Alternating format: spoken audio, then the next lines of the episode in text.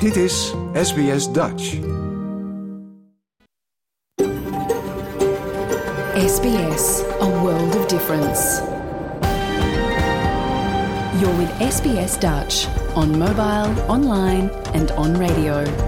Dit is SBS Dutch op mobiel, online en op radio. Graag erkennen wij de traditionele eigenaren van het land van waar we vandaag uitzenden. SBS Dutch betuigt daar respect aan de Camaragal mensen en hun ouderlingen uit het heden en het verleden. Ook erkennen we de traditionele eigenaren van alle Aboriginal en Torres Strait Islander landen van waar u vandaag naar ons programma luistert. Een hele goede morgen. Mijn naam is Paulien Roesink. Het is woensdag 19 april 2023 en u luistert naar SBS Dutch, het Nederlandstalige radioprogramma van SBS. In deze uitzending praten we met Bas de Groot over Anzac-helden. En dan staat in dit geval het woord helden misschien eigenlijk wel een beetje tussen haakjes. Met royalty-deskundige Justine Marcella blikken we terug op de tien jaar dat koning Willem-Alexander op het koningschap bekleedt. En vandaag krijgt u ook drie fijne nieuwe podcasttips van onze eigen Eke. Dat en muziek allemaal straks, maar we beginnen met het nieuws.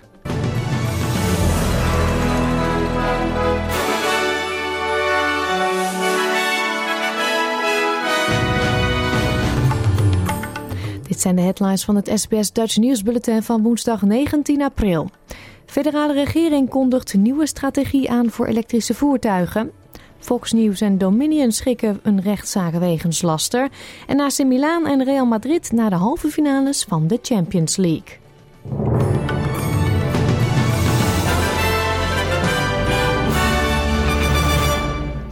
Federale regering heeft een nieuwe nationale strategie voor elektrische voertuigen NIVS aangekondigd in een poging om meer milieuvriendelijkere auto's op de weg te krijgen.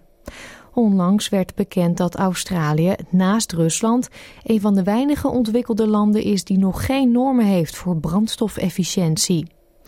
Een van de doelen van de NIVS is om Australië toegankelijker te maken voor ontwikkelaars van elektrische voertuigen, wat op zijn beurt de consument meer opties zal bieden.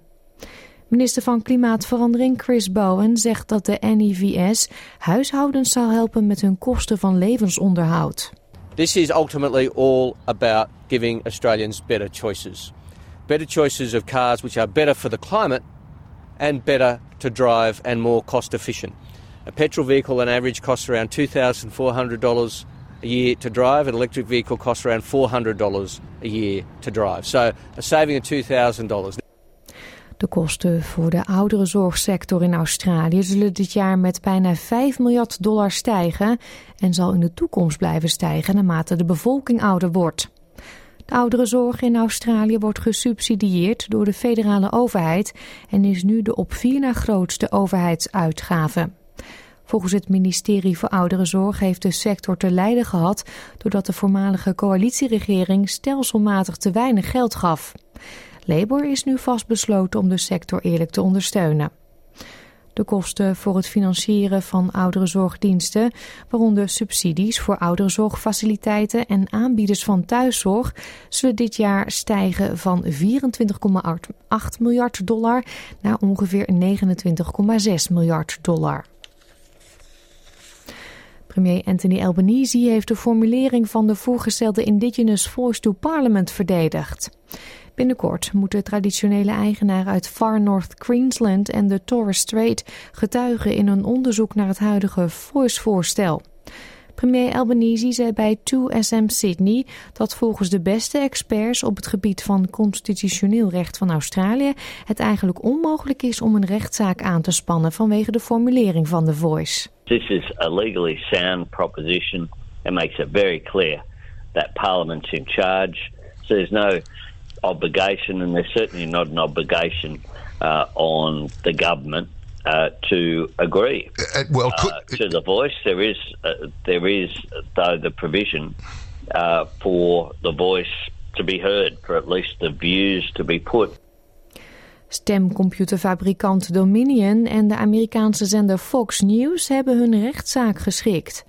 Fox News betaalt aan Dominion omgerekend 1,7 miljard Australische dollar.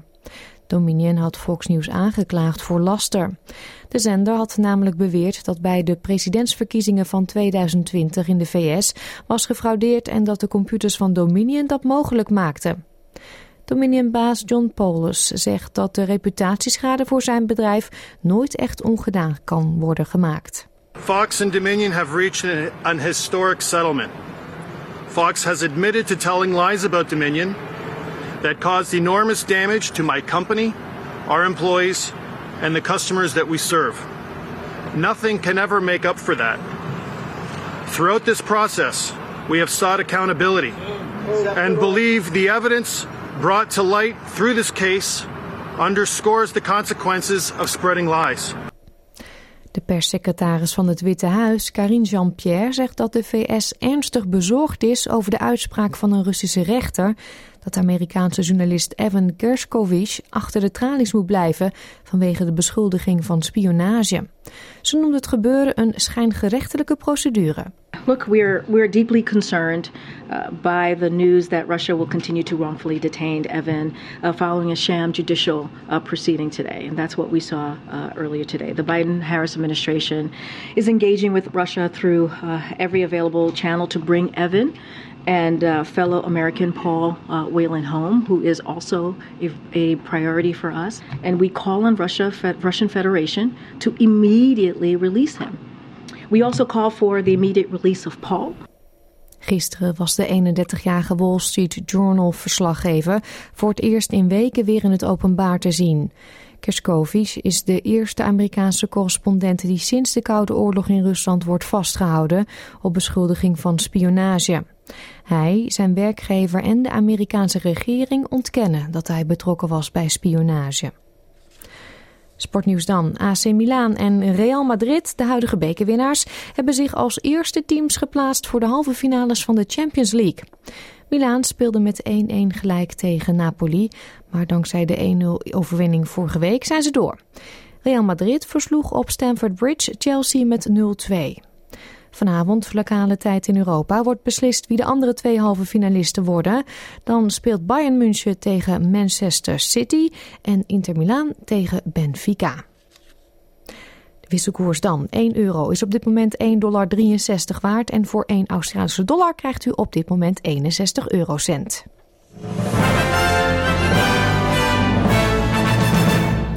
Kijken we ook nog even naar de weersverwachting voor vandaag. Het is zonnig in Perth. Het wordt daar 26 graden. Het leed gedeeltelijk bewolkt 19. Melbourne buien en opklaringen 17. In Hobart nemen de buien af 14 graden. Het is overwegend zonnig in Canberra 22. In Wollongong later op de dag buien 24. Ook in Sydney later buien 24 graden daar. Newcastle, daar is het gedeeltelijk bewolkt 25. Brisbane gedeeltelijk bewolkt 27. Een paar buien in Cairns 30. Het is zonnig in Darwin 32. En in Alice Springs schijnt de zon en wordt het 23 graden. Dit was het SBS Dutch News.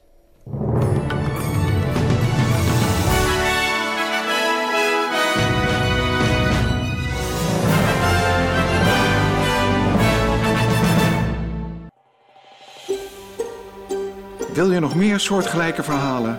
Luister via Apple Podcasts, Google Podcasts, Spotify of waar je je podcasts dan ook vandaan haalt.